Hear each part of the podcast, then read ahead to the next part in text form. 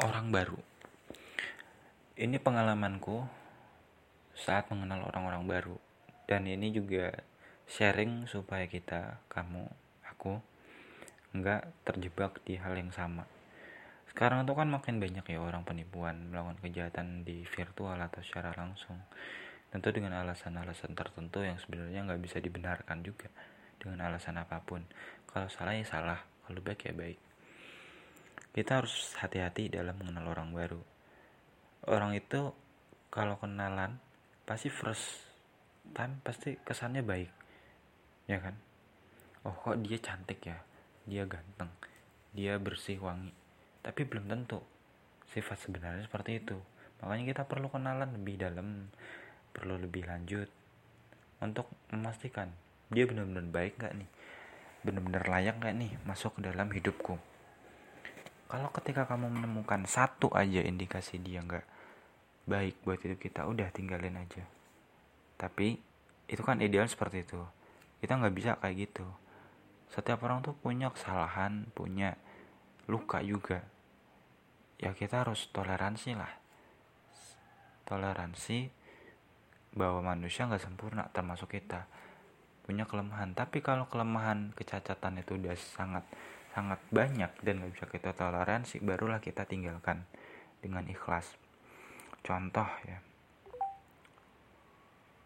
Mungkin satu contoh yang menarik. Aku suka perempuan. Perempuan itu nggak suka aku tapi suka laki-laki lain. Aku berpikir untuk apa aku chat selama ini? Kalau ternyata dia nggak menghargaiku.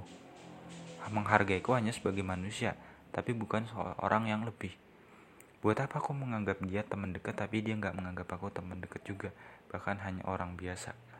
Untuk apa hubungan ini dilanjutkan jika ternyata dia nggak mau menjalin hubungan lebih denganku? Jadi lebih baik aku pergi kan? Dan aku udah sering bilang bahwa kalau hubungan itu ya feedback, ada feedbacknya, nggak bisa cuma berjuang sendiri satu pihak aja. Kalau begitu cuma satu pihak yang akhirnya merasa dirugikan merasa capek sendiri. Dan ada banyak orang di dunia ini kenapa kita nggak bisa move on? Itu buat aku belajar ketika aku melepaskan seseorang akan ada banyak orang baru yang hadir. Dan bisa jadi salah satu di antaranya adalah jodoh. Karena aku nggak pernah tahu jodoh itu nemu di mana datangnya kapan. Sekarang itu ya aku punya prinsip baru kalau aku kenal seseorang, aku nggak boleh minta kontak WhatsAppnya. Dan kalau dia minta kontak WhatsAppku, sebisa mungkin harus aku tolak. Kenapa? Karena baru pertama kali. Kecuali kalau kita udah berkali-kali ketemu dan udah merasa nyaman dan merasa aman saat ngobrol langsung, bolehlah ngobrol di media virtual. Tapi kalau baru sekali, dua kali, tiga kali ketemu, mending nggak usah. Nggak usah tukar kontak karena apa? Itu akan mengurangi esensi kita bertemu lebih banyak. Kalau bertemu lebih banyak artinya takdir kan? Takdir mempertemuan kita untuk lebih banyak ketemu. Kalau kita merasa aman, nyaman, barulah lanjut di virtual.